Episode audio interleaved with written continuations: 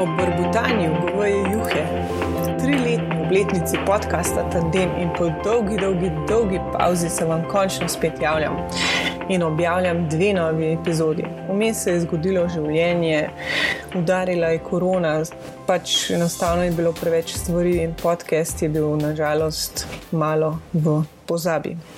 Danes pa je čas za spremembo in sicer boste lahko poslušali dve nove epizodi, dva nova intervjuja o uporabniški izkušnji. Tema je meni zelo ljuba, saj se tudi sama s tem ukvarjam. In sicer slišali boste Lana Beliča, ki dela kot UX-er na Bookingu, in pa Evo Jršin Jakljevič, ki je še pred kratkim delala na Dilepsu.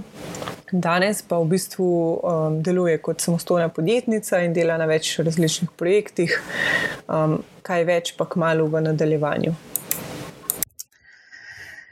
Živijo lan, um, pa mogoče glede na to, da sem te že predstavila. Um, začneva izven delovnih okvirjev in sicer kdo je lan, um, ko ni za računalnikom, pa pač v, fokus, v fokusu reševanja nekih uporabniških problemov. Ok, ja, čau. Um, v bistvu, poleg samo dizajniranja, se ne ukvarjam, nimam nekih fulejnih hobijev, s katerimi bi, bi si fulej zapolnil prosti čas. Tako da veliko časa pač se relaksiram, kaj preberem, kaj ne serije gledam, uh, kuška imam, tako da veliko časa njemu posvečam, to je pa več ali manj to.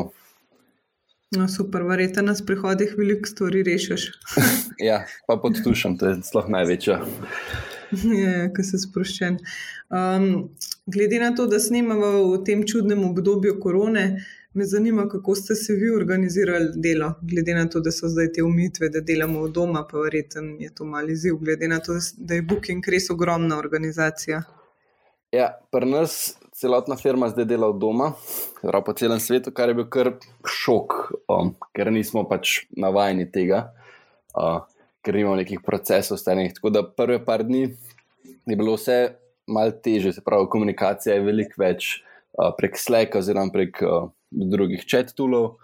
Um, veliko več časa moraš posvečati, da znaš dobro komunicirati stvari, ker ne moreš kar dostopati do nekoga, um, pa ga nekaj vprašati. Kot drugi je pa velik ta prestop, da, da ne motiš ljudi, ki dela. Se pravi, ki si v pisarni vidiš, če me kdo slušalki gora, pa če kdo fokus, ga ne motiš, klepa ne veš, kaj delajo. Se pravi, moraš biti zelo.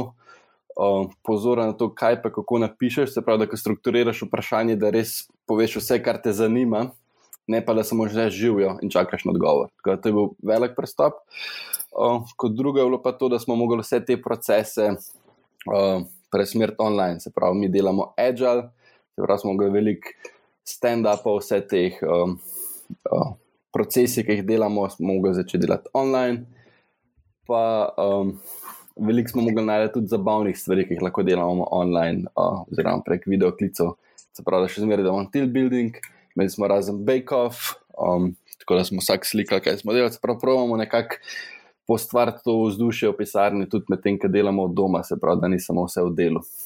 Mhm. Pa imate večinoma pol sinhrono, pa če, da, vem, če ste tam mogli biti ob 9. zjutraj, ste tudi zdaj podobne ure online vsi. Ja, še zmeraj delamo sinhrono, se pravi, online se pričakuje, da se nekje tam od 11 do 4. Pravi, ta cajt mora biti vsi nekako online, pa, pa plus minus vsak dela, kar hoče. Um, valjda je tudi um, veliko ljudi ima doma otroke oziroma neke druge obveznosti, se pravi. Probaš biti malo mindful o tem, da nekateri bodo delali malo dlje, ker bodo imeli več časa si vzeli za druge obveznosti, kuhaš si se pravi delamo sinhrono, ampak se tudi lahko malo asinhrono. Se pravi, noben ti ne bo več rekel, če, nisi, če ne odgovoriš v petih minutah, oziroma če imaš na disturb poključen, oziroma za take stvari. Mhm.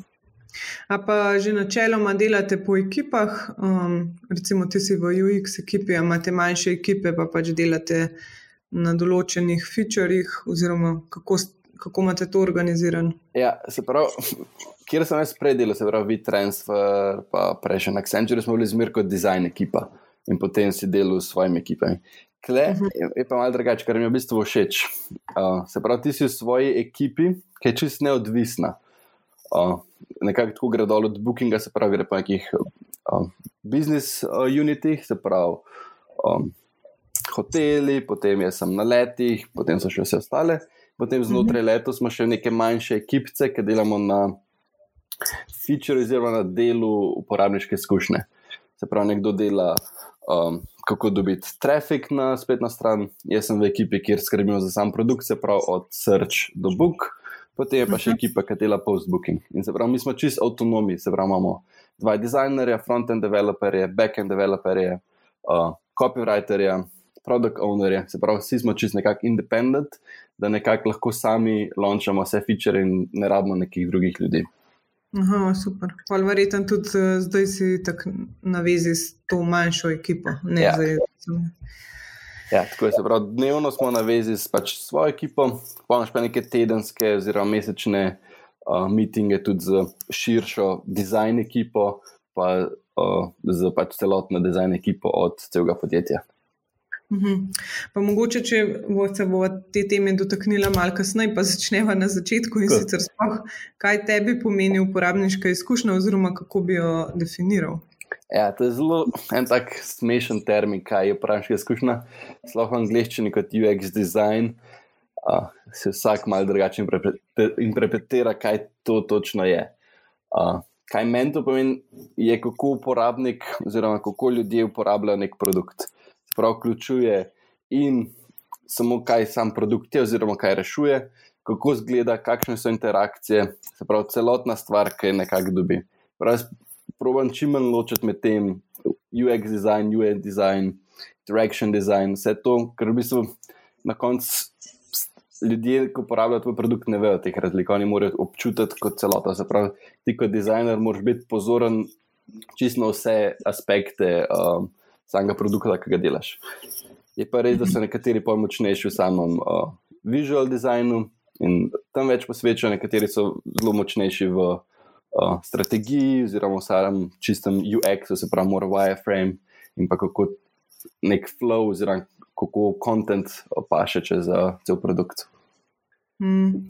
Um, kaj pa bi rekel, da je to nek um, klasičen oziroma najbolj um, tipičen UX proces? Ali pa mogoče, če razložiš, kakšen je tvoj proces, ja. če imaš kakšne posebne trike. ja, v bistvu vsi, oziroma dosti dizajnerjev poznajo nek ta čist klasičen proces, pravi uh, research, um, wireframe, oziroma nek low fidelity design, potem visual design in pa testing. Pravi, to je nek čist high level. In pa ga glede na sam produkt, ki je, oziroma kakšen imaš problem, praviš malo prilagoditi. Ampak zmeraj je važno, da prvo v researchu probiš razumeti, kaj sploh delaš. Kakšni so problemi, kdo so tvoji uporabniki, zakaj to delajo, kakšne imajo oni težave, katere platforme uporabljajo. Vse te stvari probiš tam razumeti, mhm. potem tudi, kaj drugi delajo. Mhm. Kako se tega lotiš? Ja, kako se tega lotiš. Um, v bistvu narediš samo nekako raziskavo. Um, težko je čisto opredeliti, kaj delaš, ker je vsakega produkta drugačen. Ampak... Mogoče, mogoče bo najlažje, če na primeru, če raziskujete za booking, verjetno se lotevaš pol digitalne. Ja, se pravi, moraš ugotoviti, kaj delaš. Se pravi, če delaš web platformo, začneš delati digitalno raziskavo. Se pravi, prvo pogledaš, kaj je že bilo od drugih napisan. Po raznih artiklih, oziroma nekih reportih, kakšni so neki standardi v industriji, kjer si. Um, potem lahko delaš um, kvantitativno ali kvalitativno raziskavo, se pravi razne ankete, um, vprašalnike, neke študije z tvojimi potencijalnimi uporabniki, um, intervjuje, vse take stvari. Lahko pa gledaš tudi, kaj tvoja konkurenca dela. Se pravi, ne rabiš nobenega, to je nekako najbolj poceni raziskava, da proš gledati tvoje produkte, ki so podobni tebi, se pravi, na trevolih je velik. Um, prožil videti, kaj oni delajo, oziroma zakaj so nekaj naredili. Ker zmer, skoraj vsi produkti v isti panogi so si dosti podobni med sabo, ker je težko izstopati, ker en drugega hitro dohajaš. Mhm. V smislu, da recimo, če bi oni srč implementirali, vi rečete, ok, zakaj so zdaj oni srč implementirali in greste pač reverse um, raziskovati. Tako nekako. Se pravi, ja, direkt tako, pa nekako probiš suportati še z drugimi raziskavami, zakaj, zakaj točno tvoji uporabniki bi rabili tak srč. Um, ali pa Kako kaj pa... tvoji uporabniki res potrebujejo, kaj je njihov problem. Umenil ste tudi, da delate ankete um, oziroma razne intervjuje, pa imate vi kot um, Booking ali pa pač prej, ki ste delali na WeTransferju. Ali ste imeli neko določeno bazo teh um, early testerjev in ste se pa vedno na njih obračali, ali ste vedno testirali z novimi uporabniki, ki noč niso vedeli? Um, v bistvu bojga mal. Čeprav bolj priporočljivo je imeti čist random uporabnike, kot neke early testerje, oziroma neke te um, fane tvojega brenda. Zato, ker če boš delal raziskave s temi, ki so šli v early testing, se pravi, se res komitet tvojemu brendu, boš dobil zelo um, skewed rezultate, ker bo mm. oni odgovarjali zelo bolj pozitivno, kot če nekaj res random sample dobiš. Mm. Um, a pa imate, sklepam, da imate pač zelo določene te persone, pa mogoče če začetnikom razloživa, kaj so to sploh persone, pa kako bi se jih lotili, če delamo nek nov produkt. Ja, čist na simpel, kaj so persone, to so nekako abstraktni uporabniki. Se pravi, probaš združiti različne lastnosti tvojih uporabnikov in narediti eno, dve ali pa tri persone katere jim daš pol imena oziroma neke karakteristike, da se lažje poistovetiš, um, s katerimi lahko pol nekako tvoj produkt oblikuješ oziroma delaš, zmer se obrneš na njih, kaj bi ta persona naredila oziroma rešuje problem te persone. Na samem bookingu ne delamo glik s personami, oziroma vsaj ne v naši ekipi, zato ker je platforma tako velika in mora biti primerna za vse vrste uporabnikov, da je samo delo s personami dosti nerelevantno, ker moramo, o, naša platforma sploh na letih mora biti od, bukir, od družin do mladih, do starejših, do o, poslovnih uporabnikov, se pravi, skoraj vsi uporabljajo Booking, se pravi, mora biti prilagojen za vse, se pravi, neke čisto specifične persone o, za nas niso zelo, zelo uporabne. Sam recimo, če gledamo um, iz vidika, če bi zdaj imela mi dva neko predavanje, vedno radi ponavljamo, da nikoli niso vsi persone. Pa me zanima, pol, um, glede na to, da pač ja, valjda, ker delate v Trevelu, imate širšo publiko. A nobena od teh, um, recimo družina, poslovni uporabnik oziroma pač posameznik, nima drugačne poti, pač drugačnega user flowa, da bi jih nekam drugam peljali. In v tistem, recimo, če družina kupuje, da ima drugačen flow in ima pa v tisti poti neke feature drugačne, oziroma mogoče celo drugače oblikovane. Ja, v bistvu to nekako je res. Mislim, ja, mi delamo obrnjeno na archetype persone, se pravi, to je še en level higher, se pravi, res samo kot družina ali pa kot poslovni uporabnik, zelo high, high level. In nekako v našem produktu čisto odvisno od tega, kjer produkt. Pri nas na letih je zmeri flow enak. Vsaj za enkrat, ker smo še dosti nov produkt, se pravi, nimamo časa za samo optimizacijo, glede na uh, tipe uporabnika. Mhm. Na, samom, na samih hotelih, pa verjetno že vsak ve, ki je šel tam blokirati. Če vneseš različne stvari, se pravi, če si um, uh, iščem za poslovno pot, ali pa če vneseš kot družino, dobiš malo drugačne rezultate kot sam flow, je zmeri dost enak, ker pravimo nekako isto upravniško izkušnjo, da ne glede na komu si. Kaj pa drugače so rezultati in pa katere stvari se prikažejo kot bolj pomembne. Mm -hmm.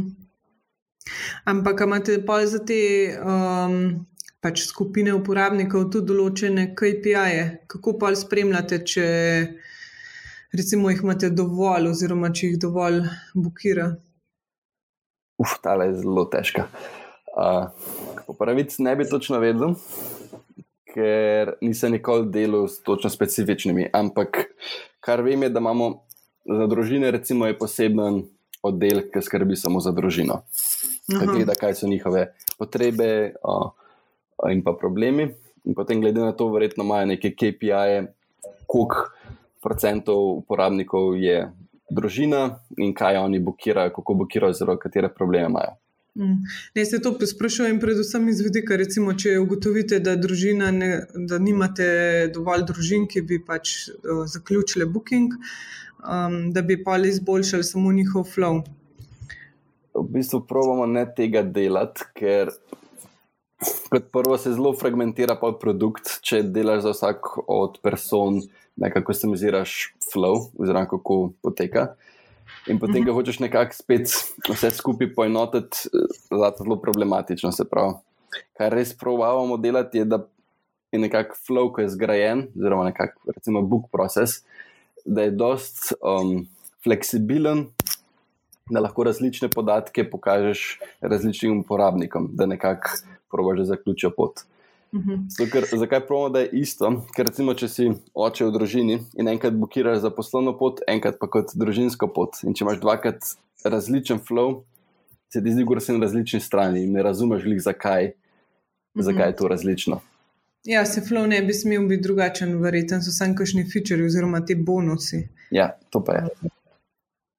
Okay, kako ste pa, um, glede na to, da pač ste svoj um, produkt, oziroma pač ga boste verjetno malo lansirali, me zanima, kako pa testirate, oziroma recimo, kako postavite neko hipotezo, pa se pa odločite za testiranje, kako poteka to. Mogoče, če sam nek primer, ni treba, da je realen. Ja, um, če recimo pri novem produktu, začeli so vse za raziskavo. Um, se pravi, na začetku je bila upletena um, ta produkt samo neki produkt owneri in researcheri, ki so prav ugotovili, da je sploh uporabno, da to delamo, se pravi, kaj bo to preneslo našemu podjetju. Pol pa, ker smo imeli neke MVP-je, smo um, šli veliko testirati kar na teren, se pravi na ulice, da probaš neke manjše feature, vse take stvari. To ste šli tako s telefoni ali s računalnikom? Telefoni, ja, šli smo na letališče Schiphol um, in so tam pač probavali, kako neke feature delujejo. Uh mhm. -huh. Kar je bilo pa kot neka glavna hipoteza, kaj je, ker delaš nov feature, je, a uporabniki lahko to rabijo, pa a bojo uporabljali to od tebe. To testirati tako na nek kratek rok je zelo težko, ker rabiš prvo zgraditi produkt in potem ga dati na trg in videti, se prime ali ne. Tako da to je neka hipoteza, ki si jo postaviš na začetku in jo verjetno skozi celo leto, ko gradiš produkt, probaš validirati. Pomaž pa zmeraj neke manjše, ki so bolj feature related. Ok, ampak recimo, um, kako ste to imeli? Ste to testirali po 15 minut, pač fulno hiter, um, pa ste pa na koncu uh, vprašali še uporabnike, če bi to uporabljali, kar je načeloma včasih tudi dosti nehvaležno, ker so večinoma so vsi pod pritiskom, pa rečejo, da ja, je super. Um, kako ste si te rezultate pa le interpretirali? Ja, v bistvu, ko smo delali te teste o, z uporabniki, smo se dosti fokusirali samo na testing feature, oziroma če ta stvar jim lahko pripomore. Um, zato glavna hipoteza, da se bo to zelo prijel, se nekako probamo ne delati teh vprašanj, da bi to upravljali, nekaj so dosti subjektivna in res so pod pritiskom. Se pravi, to nekako validiramo s časom, se pravi, malo riskiraš, greš kar um, launchati produkt in res čakaš, da se bo, a boš dobil tiste prve bookinge, boš dobil trafik in nekako s tem pol validiraš. Začneš pa zmer malo, se pravi, proš lansirati eno mesto ali pa eno državo in potem tam vidiš, kako to napreduje. Mhm. Ker testirati to hipotezo, da je ta produkt uporaben ali ni, oziroma ga bo tvoj uporabnik delal ali ne je težko, če ga nimaš zunaj, oziroma če dejansko ne uporabljaš. Ker, uh, ker delaš user testing z um, uporabniki, na, uh, se pravi, tako kot uh, arrange user testing. Uh -huh. uh, bo valjda si rekel, ja, ker so, dost, ker so se vložili svoj čas v to in bo rekel, ja, valjda mi je všeč, ker sem šel čez to in sem videl, kaj dela. Ampak to dejansko ne pomeni, da bo uporabniki uporabljali ali ne. Mm. Um, za MVP ali delate večinoma low fidelity prototipe, ali mm. že v bistvu kar dosti dodelate, pa sprogramirate, da so vsaj te relevantni featuri noter. Um, ko delamo mi neke prototipe, se pravi, ko smo delali MVP, ki smo ga launchali, um, je bil zgled dober, se pravi, dizajn more. Um, zgleda dober, uporabnost mora biti dober. In pri MVP smo nekako mi pravimo potem da samo tisti baseline, se pravi, uporabnik bo, bukiral, bo lahko blokiral let. Se pravi, to mora narediti in uporabniška izkušnja mora biti nekako zadostna, ne sme izgledati čuden. Um, ni glih to čisto prav MVP, ampak je nekako minimum lovable product, se pravi, -hmm. še zmeraj mora biti produkt dober. Ker delamo pa teste, se pravi, samimi dizajni. Um, pa nekako pravim tudi kar dosti high fidelity narediti, zaradi tega, ker je čist drug feeling, kot kar testirati z nekimi wireframe, pa z nekimi nedodelanimi stvarmi. Uh -huh. No, tudi to probali. In veliko se potem uporabniki, ki to testirajo, obrnejo točno na to stvar in je dobiš glih dobrih informacij na zadnjih, ker uh, so fokusirani na to eno stvar, ki ne dela. Ne vem, če en link ne odpre, ki jo hoče klikniti, potem samo o tem govorijo 15 minut, zakaj se to ni odprlo, oziroma kaj se pričakovali. Ja, to je res. Ja. Ja, ampak, ko pa testirate dizajne, um, pa testirate live, ali um, kako testirate dizajne, ker to je tudi kar dosti nehvaližno delo lahko. Ja, v bistvu pff, malo mešano. Nismo, kje smo v produktu. Zdaj, ko launčamo nek večji feature, um, zapravo neko večjo stvar, um, zmeraj testiramo uh, design prototip. Se pravi, ali je to narejen v design toolu ali nek na pol skodiran, recimo v Framerju. In to mhm. testiramo, potem, glede na rezultate, se vrnemo, oziroma kaj popravimo, in potem launčamo. Če so pa neki manjši featuri, um, jih damo pa ven, pa se AB testing naredi nekako nek najboljši princip testiranja, uh, ker dobiš največji volumen uporabnikov, uh, tudi v najhitrejšem času, Kako pa testirate za AB teste? Zato, ker pač večina um, ljudi, mogoče tistih, ki so na začetku mislili, da testiraš potem modar, pa rdeč, ta gumb, pa se pa odločiš, um, tiska zmaga tiste, pa pol še dajo kar logotip po isto barvo, zato ker mislijo, da bo pol boljš performal. Zato me zanima, v bistvu, kako vi delate um, te teste. Ja, se pravi, zmeraj vsak AB test začne s hipotezo, ki mora zelo dobro postati. Pravi, ne smeš v svoji hipotezi ne smeš namigovati, kaj je boljše, oziroma kaj ni boljše. Pravi, recimo hipoteza, če grem čez na te barve gumbo.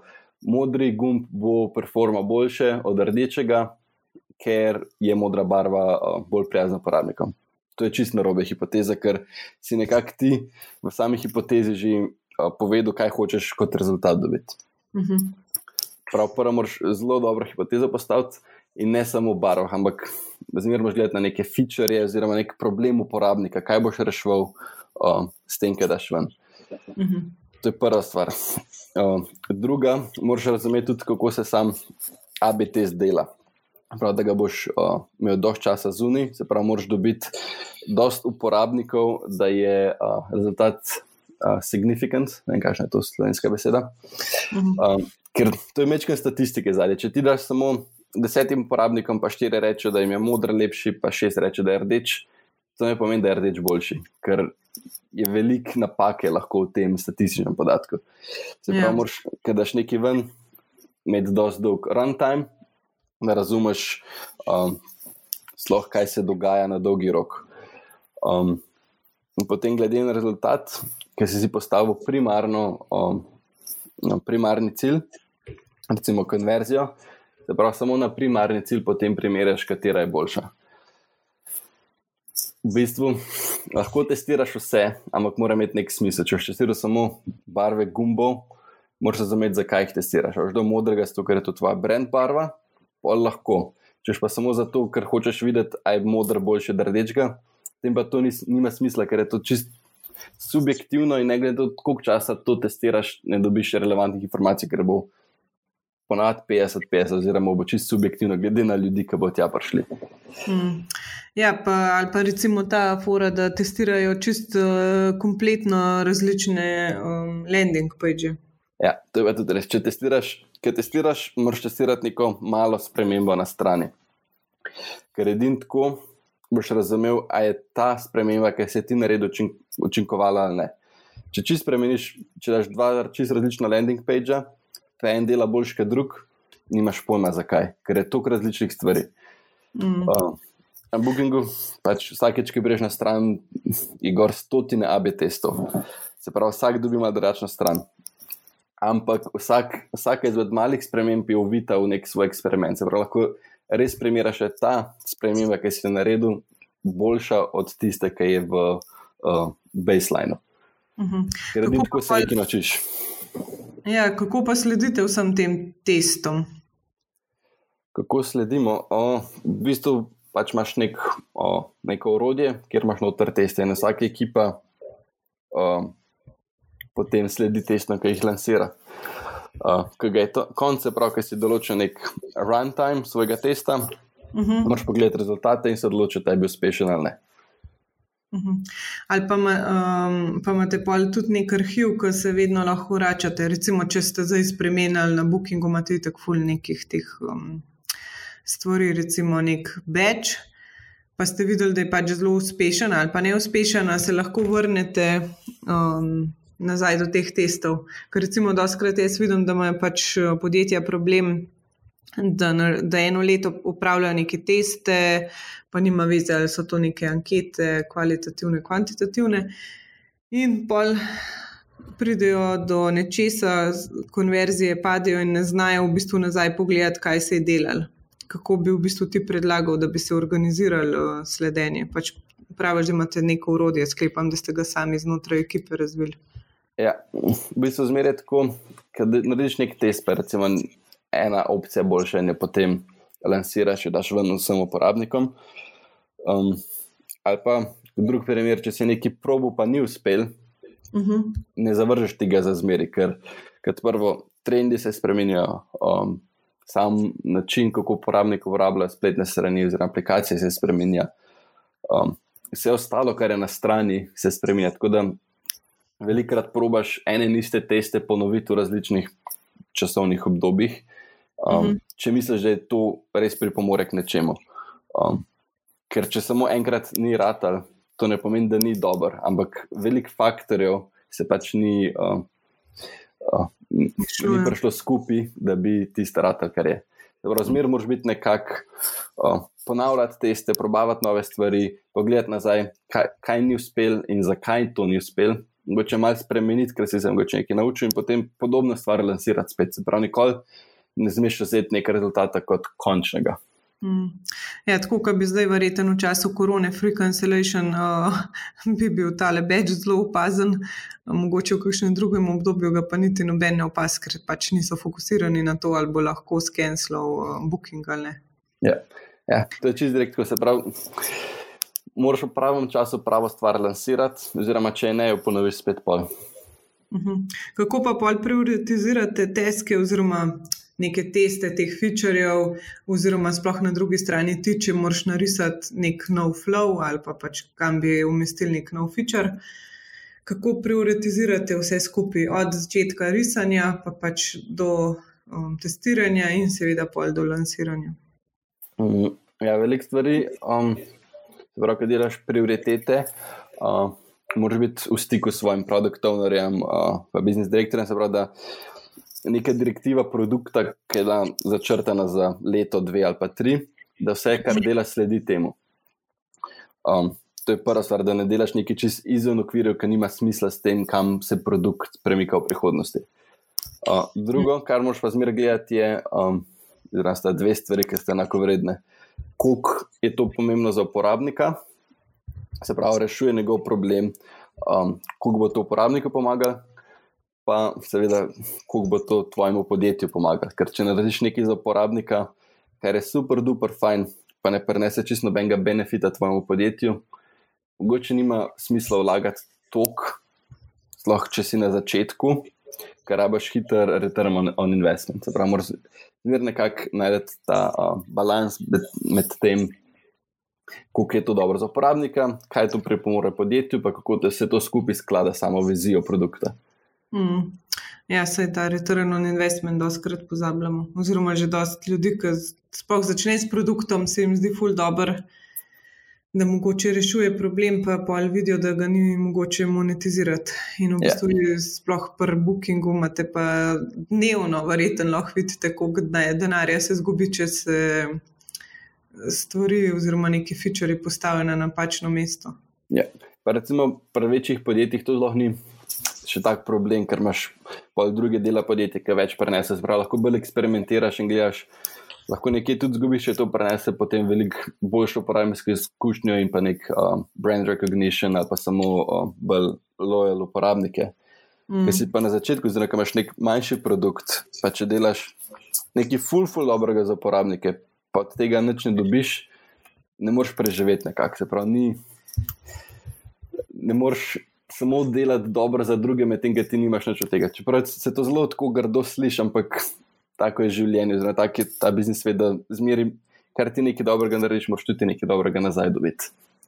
Ja, ampak vse v bistvu, če nimaš eh, denarja, ne moreš delati eh, v dobro uporabnikom. Sploh, Tako je. ja.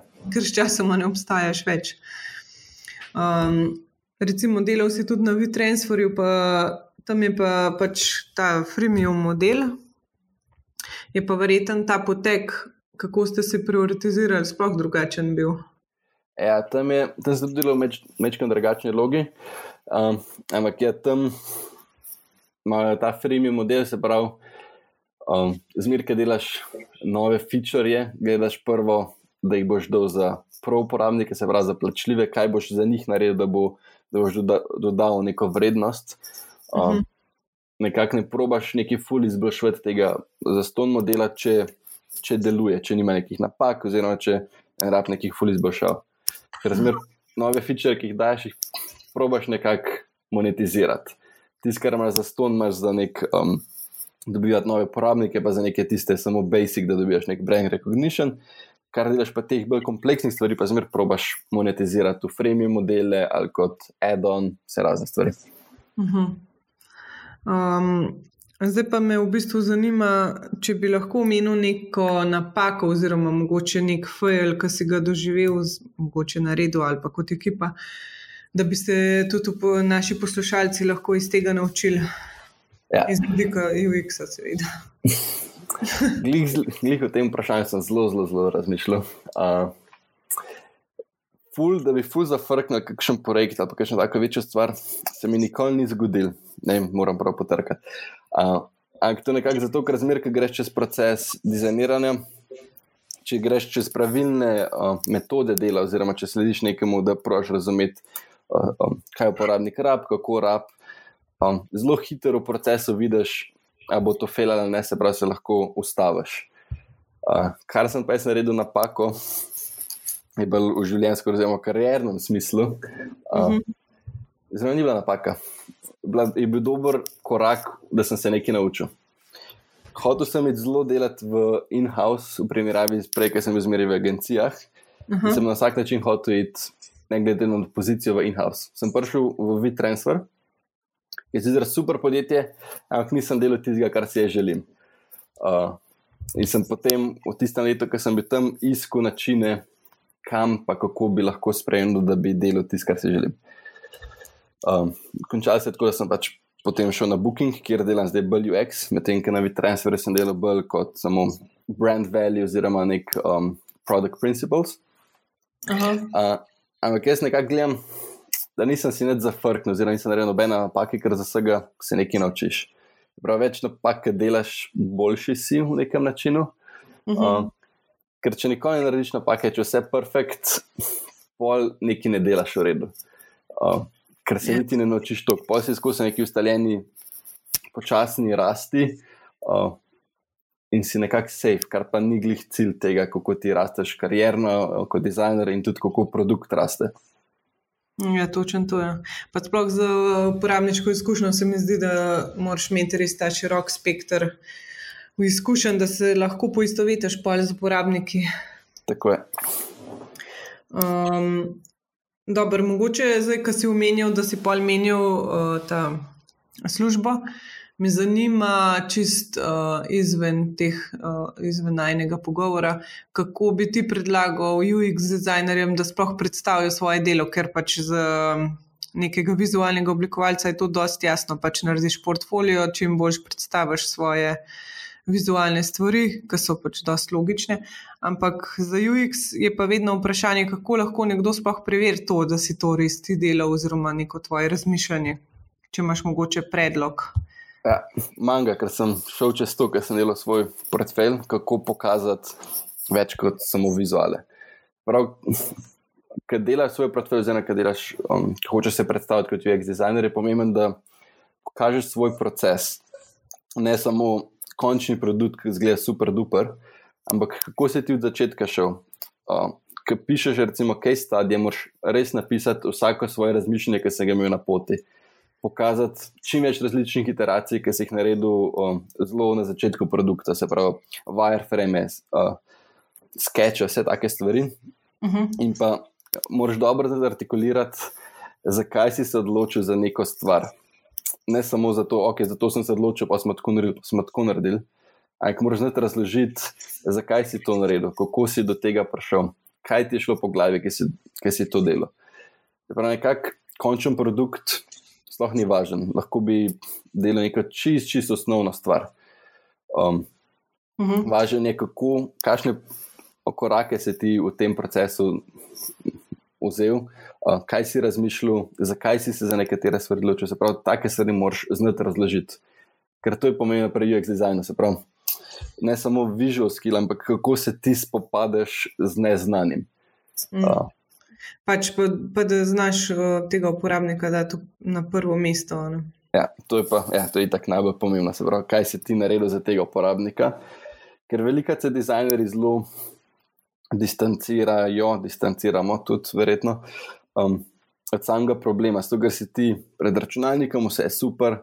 Uh, prvo kot prvo imaš ponavadi najboljši računalnik, pa najboljši zaslon. Medtem ko tvoji uporabniki lahko uporabljajo zelo stare Androide. Se pravi, moraš gledati na veliko takih stvari, na kjer sploh ne pomisliš na prvo žogo. Hmm. Ja, in spet smo tukaj, da moraš imeti različen spektr svojih izkušenj. ne?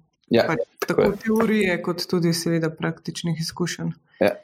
Čeprav mislim, da praksa celo še več nauči kot teorija. Se pravi, teorijo moraš vedeti, da nekako znati, da znaš o tem govoriti, da razumeš nekatere procese, katere korake moraš narediti. Mhm. Ampak sama praksa te pa nauči, kako se spopasti s tem, ki nekaj ne gre, ali pa ki priješ do neke blokade. Mm. takrat pa se res pokaže, uh, koliko si imel prakse, da boš obšel to blokado, ki si imel. Ja, se mi zdi, da je v bistvu glavna um, vrednota pač UX dizajnerjev, vsaj pač po mojem mnenju, da bi mogel vsak imeti ta radovednost, ker pač vedno priješ do nekega izziva, ampak če si tako radoveden, da priješ temu do konca, oziroma te vedno neki drive, se do konca načeloma res ne priješ. Um, lahko delaš razne eksperimente in pač ti nikoli ne zmanjka tega dela. Tako je. In Um, to Máš je tudi, res sorry, ja, kar povej. Ja, da produkt delaš, nikoli ni končan. Se pravi, karkoli dizajniraš, ki lansiraš ven, to ne pomeni, da je konc. Medtem, ker recimo pri samem visual designu, ko narediš nek plakat oziroma neko stvar, ki gre tisk, je konc, to je to. Tle Mm. moraš pa zmer gledati, kaj lahko še več. Nikoli ne smeš biti zadovoljen s tem, kar si naredil. Mm. Ja, pa omenil si tudi, da imate um, vi kot uh, Booking, imate tako vzpostavljen dizajn sistem. In glede na to, da zdaj govorimo o tem, da ni nikoli konc, me zanima, recimo, vi ugotovite, da iz vidika uporabnika neke stvari ne delujejo. Verjetno pa tudi na podlagi tega spremenite dizajn sistem, oziroma pač date na prioritetno listvo. Um, Jaz, direkt tako. Uh, se pravi, dizajn sistem, no, kjerkoli podjetju, tudi kot v Bookingu, ni neka stvar, ki je končna. Se mhm. pravi, ponavadi imajo vse ta večja podjetja, oziroma tudi manjša, ki imajo ekipo za dizajn sistem. Oni niso zato, da tam postavljajo pravila, ampak zato, da olajšajo drugim um, delo, pa da nekako skrbijo za enotnost produkta. Se pravi, če vidiš, da neka stvar ne deluje in da je tako definiran dizajn sistemu, moraš zmeriti nazaj in povedati, zakaj to tebi ne deluje, ker potem se to prilagodi, um, da bo tvojemu uporabniku to bilo fajn. Ker Mhm. zmeraj je to najpomembnejše, da uporabniška izkušnja ne trpi uh, zaradi vizualnih oziroma uh, dizajn sistem nekih uh, pravil. Mhm. Um, zdaj, mogoče samo poslušalcem lahko povem, da, imaš objav, da imaš tudi svojo spletno stran, pa da imaš tudi link na Medium, kjer imaš objavljen nekaj stadij za Booking. Uh, ja, to je v bistvu bilo že tri leta nazaj, uh, ne že štiri celo, ker sem uh, intervjuval za Booking prvič. Uh, takrat za UX graduate pozicijo, se pravi, takrat sem še živel v Sloveniji. Aha. Um, in to je bila eden izmed testov v intervjuju, se pravi, moraš uh, tri, tri mehne uh, izboljšave bookingu narediti in moraš znati artikulirati, zakaj si naredil, kako bi meril uh, in kakšen rezultat pričakuješ, oziroma uh, kaj ne bi to naredili. Jaz sem to takrat objavil, predvsem zato, da bi pač drugim pomagal um, razumeti ta del naloge, ki je dosti težek. Uh Mhm. -huh. Ker moraš res najti mehke stvari, ker tako pač Booking dela. Ne moreš re, redizajnirati cele spletne stranice, v landing page, ker to nima smisla. Veliki Ja, so jih probali, velikim ni uspel. Mhm. Um, in to je pomembno. Aha, ja, no, sej, pač, eh, sem hotela samo povedati, da, da naj si preberejo, da je zanimivo, kar si napisal. Um, zdaj me pa v bistvu še zanima, kje ti najdeš inspiracijo, oziroma če karkoli lahko izpostaviš, kar bereš, mogoče poslušaš kakšen podcast. Mogoče Ja, od podcastov, poleg tandema, valjda, uh, priporočam Full 99% Invisible od Romana Narsa, ki je nekako je dizajn, pa ni dizajn.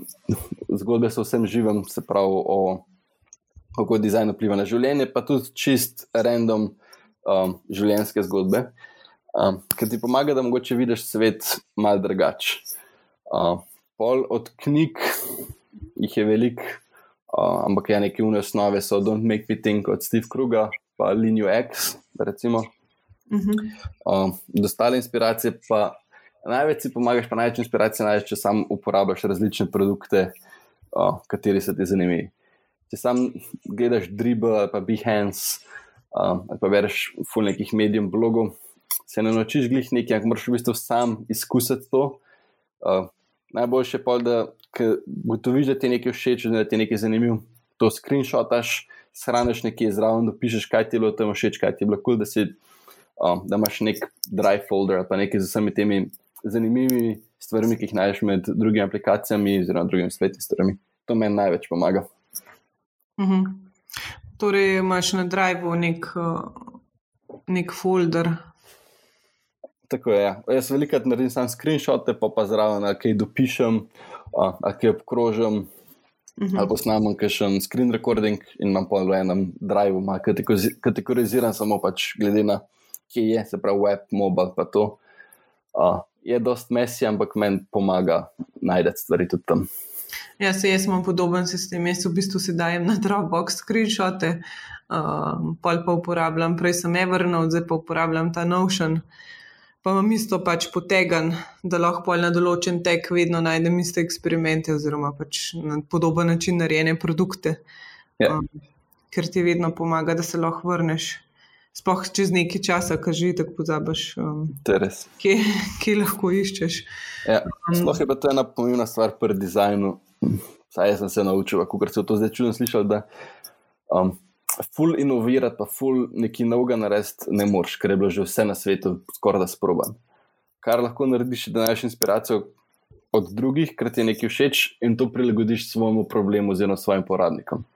Mm. To je nekako najlažji način, ker nekaj čist inovativnega narediš, oziroma nekaj čist novega je ne mogoče, ker nekdo na svetu je to že probo. Ja. ja, v bistvu jaz vidim pač problem teh UX dizajnerjev ali pa tudi UI dizajnerjev, da grejo na Dribble, pišejo, ne vem, um, search, da vidijo, kako so ostali naredili pač uh, ta search. In pol skopirajo, ampak v bistvu v zadju ni nobenega razmišljanja. Ne. Sploh se mi pa zdi problem tega dribla to, da če bi zdaj potegnili 100 mo mobilnih aplikacij, ki so bile uploadene v zadnjih treh mesecih, bi praktično vse isto izgledale. Ni sploh neke razlikovalne vrednosti, niti v nekem flowu, niti v vizualnih elementih. Tako da je treba več razmišljati svojo glavo, pa pa lažje najdeš rešitve. To je res. In predvsem pri teh stvarih, ki so dosti enake, zelo ko so narejene samo za visual, um, ja, kako bi se temu rekel, Ja, boom, niso usable, se pravi, um, niso uporabni, ker ne rešijo nobenega problema, samo zgledajo lepo. Mm. Ja, pač verjetno so um, nekateri se hočejo izkazati, dobiti mogoče kakšnega klienta, pa pač delajo. Ne? In Ja. spet pol privede to, da se cikl nikoli ne neha, ker klienti na drugi strani pa tudi niso vešči, um, ne, ne poznajo procesov, ki bi jih mogel neki UX dizajner pač slediti. Um, in nekoga najamejo in so pol razočarani, ker se vidi da neka vizualna izkušnja, ki ni podprta um, userju, um, ne more prenesti nekih dobrih rešitev, sploh dobrega produkta. Ne? Ja. Res je. To jaz veliko raje gledam same produkte, ki so zunaj, pa s tem dobiš inspiracijo. Ker kar je zunaj kot dejanski produkt, je vzel um, v, consideration vse te edge cases, oziroma vse te stvari, ki se lahko zgodijo, vse tehnične uh, limitacije, vse te stvari. Um, Medtem, ko samo lepi vizuali na driblu, Behance in podobnih um, so lepi, ampak je samo en screen in to nič ne pove ti moraš videti, kakšna je interakcija, kaj se zgodi na čist mehkih zaslonih, kaj se zgodi. In, o, če deset stvari klikneš hkrati, vse take stvari in tam je res prava o, UX inspiracija. Mm. Ja, ker recimo, če bi kdo gledal Booking, um, naprimer, da zdaj jaz odprem neko produktno stran. Ki jo imam zdaj tudi pred sabo, se lahko zdi, da je pol nekih labelov, pol nekih stvari, gumbov, kaj tu mač. Ampak če grem pa zdaj pač gledati kako bo mesto blokirala, pa točno vem, kam klikati, pa mi na dober način poveste, kaj je pač notranje. Seveda so vedno stvari za izboljšati, kot smo govorili, ampak veliko boljš, kot marsikatera druga stran. Ja. Vse stvari, recimo, ki so na Bookingu, so tam z razlogom, tako kot so verjetno tudi na marsikateri strani. Uh, ja. Tudi ne zgledajo najboljše, oziroma ti ni prvo jasno, ker začneš uporabljati to stvar, uh, pa veš, zakaj je to tam. Ja, Veliko sem videl za Booking, pa tudi za marsikere druge neke redesign stadije, ki naredijo, se naredi ful lepa stran, ampak ne vzame pa v, v zakup vseh teh različnih uporabnikov, um, kaj oni rabijo, kdaj rabijo. Um, ne vzame v zakup tudi tega, da Booking je uh, online trgovina nekako za stvari. Se pravi tam priješ, da narediš konverzijo v nek način. In če je stran ful lepa, ampak ti ne najdeš gumba book, nima to smisla. Hmm. Ja, ali pa na drugi strani pač naredijo lepo stran, ampak skrijejo pol featurejev. Tako je. Uh, zdaj, za konec me pa uh, zanima, kaj bi ti dal kot na svet mlajšim ali pa mogoče začetnikom, ali pa tudi mogoče bolj izkušenim um, UX dizajnerjem, kakšen hmm. svet ali pa trik, karkoli. Trikov, glej, nimam veliko, v bistvu v UX dizajnu ni full trikov, samo da um, probaš čim več narediti in karkoli delaš, uh, zmer uh, zabeleži svoj proces nekim. In če delaš v podjetju, jaz to recimo delam tudi tukaj. Vsako stvar, ki naredim novo, naredim slide deck, da razložim, zakaj sem to naredil.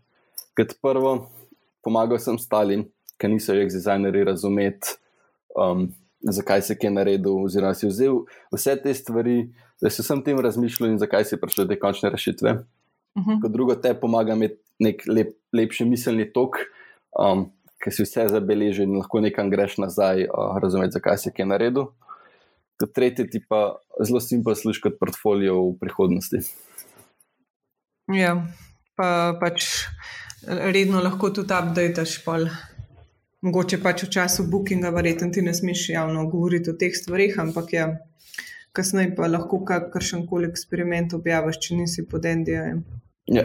ja, pa bi se samo, da imaš nek svoj proces, nekje napisan, da ostali razume, kaj delaš. -huh. Ker če ti samo, veliko sem videl, tudi jaz sem bil tak na začetku, da samo nekomu, ki ni dizajner, pokažeš ti, um, da si nekaj naredil, samo screenshot, oziroma samo screen. In oni ne razumejo, zakaj je to. In bodo dali veliko komentov na to, um, in bo zgubil veliko časa uh, za čist brezvezne uh, stvari, oziroma za čist brezvezen odgovor. Ja, sej pač spet pridemo do tega, da je treba izobraževati klijente. Tako je. Super, ti um, sem super, hvala za vse te insajte. Kje te pa lahko poslušalci najdejo? Oziroma... Um, ja, lahko na Twitterju, at Lanbelič, uh, ali pa na spletni strani lanbelic.com. To je to. No, super, sem pripričana, da boš dobil še kakšno dodatno vprašanje. super, hvala. Kar. Hvala ti, da si delil z nami tvoje izkušnje, pa seveda čim več.